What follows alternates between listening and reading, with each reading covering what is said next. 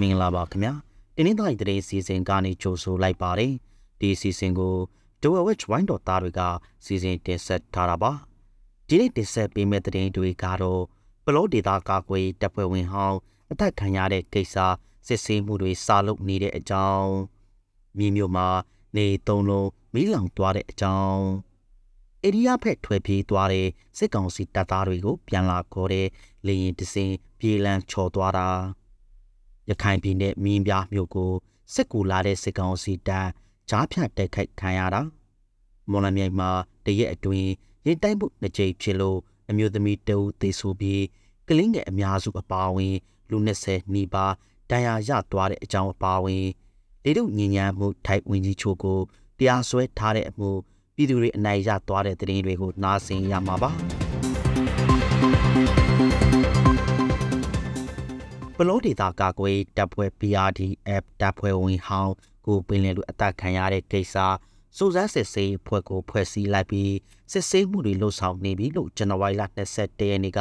ထုတ်ပြန်လိုက်ပါတယ်။အသက်40ကျော်ရွယ်ကိုပင်လယ်လူဟာ PRDF တပ်ဖွဲ့ကနှုတ်ထွက်သွားတာ6လကျော်ကြာနေပြီးမိချောင်းစစ်ကြောင်းမှာပြောင်းလဲတာဝန်ထမ်းဆောင်နေတာပါ။အမျိုးသမီးကလေးမီဖွားတဲ့ကိစ္စနဲ့ခန္တီဝါကိုပြရောက်နေတဲ့ကိုပင်လယ်လူကို မိချောင်းစစ်ကြောင်းကကိုဝိုင်လူအပါဝင်လက်နက်ကိုင်ရှေဦးနဲ့ရွာခံတိုးကအခုလရှရက်နေ့ကဖန်စီခေါ်ဆောင်သွားတယ်လို့ဆိုပါတယ်။ဒီလိုဖန်စီသွားပြီးနောက်တရက်မှာတော့အသက်ခံလိုက်ရတယ်လို့ဆိုပါတယ်။ကိုပင်လယ်လူအသက်ခံရတဲ့ကိစ္စအတွေ့အမှန်တရားကိုလိုချင်တယ်လို့မိသားစုဝင်တွေကတောင်းဆိုထားသလိုပလောခြေဆိုင်ဒေါ်လာရေးတပ်ဖွဲ့အချို့ကလည်းအမှုမှန်ပေါ်ပေါက်ဖို့ဖော်ထုတ်မယ်လို့တဝက်ဝက်ကိုပြောဆိုထားပါတယ်။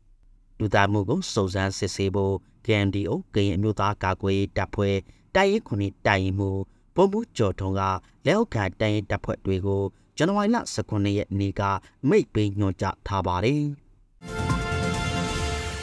မြေမျိုးရှာချောက်ဝန်တန်းရက်ွက်မှာ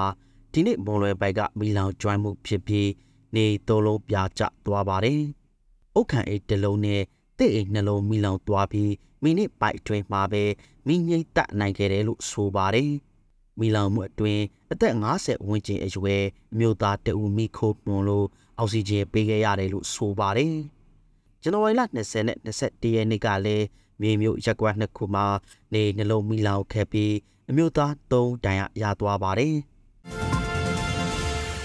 ရခိုက်တပ်တော် AA နဲ့တိုက်ပွဲပြေလို့ အိန္ဒိယနိုင်ငံဘက်ထွက်ပြေးသွားတဲ့စစ်ကောင်စီတပ်သားတွေကိုပြန်လာခေါ်တဲ့စစ်ကောင်စီတပ်လေရင်တစ်စင်းပြေးလန်းချော်ပြီး6ဦးထက်မနည်းတိုင်ရသွားပါတယ်စစ်ကောင်စီတပ်ရဲ့တယူပိုးဆောင်ရေးလေရင်ဟာမီဇိုရမ်ပြည်နယ်ကလေဆိပ်ကိုဆင်းသက်ချိန်ပြေးလန်းချော်သွားတာပါအဲ့ဒီလေရင်ပေါ်မှာလေရင်မှုအပါဝင်လူ၁၄ဦးလိုက်ပါလာပြီးပြေးလန်းချော်သွားလို့6ဦးထက်မနည်းဒဏ်ရာရပြီးဆေးကိုပို့လိုက်ရတယ်လို့ဆိုပါတယ်။ ရခိုင်တပ်တော်နဲ့တိုက်ပွဲဖြစ်ပြီးနောက်ချင်းပြည်နယ်ဘလဝမြို့နယ်ကနေမီဇိုရမ်ပြည်နယ်တဲကိုစစ်ကောင်စီတပ်သား190ကျော်ထွက်ပြေးခဲ့တာပါ။ထွက်ပြေးသွားသူတွေတဲက180ကျော်ကိုမနေ့ကတွားရောက်ခေါ်ယူခဲ့ပြီးကြံနေတဲ့စစ်ကောင်စီတပ်သားတွေကိုတွားခေါ်ချခုလိုဖြစ်ပွားခဲ့တာပါ။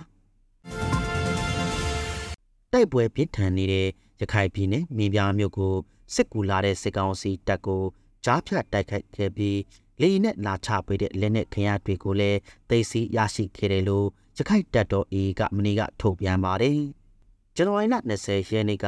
မင်းပြားမြို့ကိုစစ်ကူလာတဲ့စစ်ကောင်စီတပ်တမ22လောက်ခန့်တိုင်ကိုကြားဖြတ်တိုက်ခိုက်ရာစစ်ကောင်စီတပ်သားတွေထိခိုက်သေးဆိုတာများသလိုလက်နက်တွေလည်းသိမ်းနိုင်ခဲ့တယ်လို့ဆိုပါတယ်။ဒါပြင်ဝိုင်းလီင်ဘောကချပေးတဲ့ထောက်ပို့ပစ္စည်းတွေကိုလည်း သိသိရရှိခဲ့တယ်လို့ဆိုပါတယ်။ရခိုင်ဒေသမှာစစ်ကောင်စီတပ်က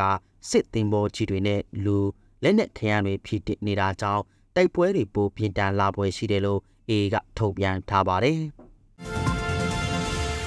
မော်လမြိုင်မြို့မှာတရက်အတွင်းရင်တိုက်မှုနှစ်ကြိမ်ဖြစ်လို့အမျိုးသမီးတအုပ်သေဆုံးပြီးကလေးငယ်၁၂ဦးအပါအဝင်၁၈ဦးဒဏ်ရာရသွားပါတယ်။ ဇန်နဝါရီလ21ရက်နေ့မနေ့ကမော်လမြိုင်တာဝိုက်တားခွဲရုံနာမှာဟိုက်ချက်ကားတစ်စီးတစ်ပင်ကိုဝင်တိုက်မိပြီးကားပေါ်ပါလာတဲ့အမျိုးသမီးတုံနဲ့ကလေး6ဦးတန်းရသွားပါတယ်။ည9နာရီလောက်မှာတော့ဂွေကိုရက်ွယ်မော်လမြိုင်တန်ပြူစရလမ်းမမှာရင်သုံးစီးစိတ်တိုက်ရာအမျိုးသမီးတုံးတိတ်ဆိုးပြီးကလေး6ဦးအပါအဝင်17ဦးတိုင်ရသွားပါတယ်။မူရိုဘက်ကနေမော်လမြိုက်ဖက်မောင်းနေလာတဲ့ပရိုဘောက်ကားက အရှိမသွားနေတဲ့သုံးဘေးစိုက်ကယ်တစ်စီးနဲ့စိုက်ကယ်တစ်စီးကိုဝင်တိုက်ခဲ့တာပါ။ထိုင်းမြောက်ပိုင်းကချင်းမိုက်ခရိုင်နဲ့အနီးနားရှိခရိုင်တွေမှာကြိုတွေ့ကြရတဲ့လေထုညဉ့်ညာမှုနဲ့ပတ်သက်ပြီးထိုင်းဝန်ကြီးချုပ်ကိုတရားစွဲဆိုထားတဲ့အမှုမှာပြည်သူတွေကအနိုင်ရသွားပါတယ်။ချင်းမိုက်ပြည်သူတွေကခရိုင်တရားရုံးမှာပြီးခဲ့တဲ့နှစ်ဧပြီလကတရားစွဲဆိုခဲ့တာဖြစ်ပြီးအခုနှစ်ဇန်နဝါရီလ19ရက်နေ့မှာ အပိသအမိတ်ချမှတ်ခဲ့တာလို့ထိုက်တဲ့တွေကဆိုပါတယ်။တရားစွဲခံရသူတွေက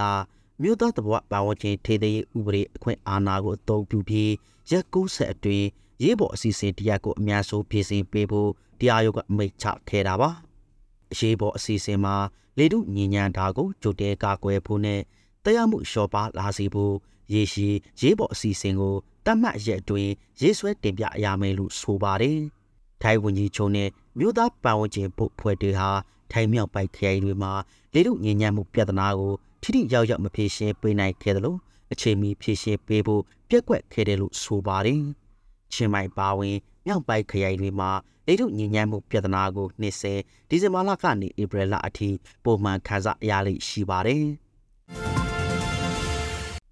နောက်ဆုံးတပုတ်အနေနဲ့ရွှေနဲ့ဗတ်စီအတက်ကြအခြေအနေကိုပြောပြပေးမှာပါ။ ဒီနေ့မှလည်းအခောက်ရွှေတစ်ချက်သားကိုကြက်တသောင်းစိတ်ထက်တဲ့လာပါတယ်။တဝယ်ဈေးကွက်မှာအခောက်ရွှေတစ်ချက်သားကို39သိန်း9000ဈေးဖွင့်ထားတာပါ။ပါစီလက်အနေငယ်တက်လာပြီးမြန်မာငွေတသိန်းကို2019ဘတ်ပေါက်ဈေးရှိနေပါတယ်။ခုလိုနားဆင်ပေးခဲ့တဲ့အတွက်ကျေးဇူးအထူးတင်ရှိပါတယ်။မြန်မာနိုင်ငံသားများကပ်ပေးပေါင်းကနေအများဆုံးလွတ်မြောက်နိုင်ပါစေလို့ ဂျိုဝဲဝက်ဝိုင်းတော်သားတွေကဆုမောကောင်းတောင်းအပ်ပါတယ်ခင်ဗျာ။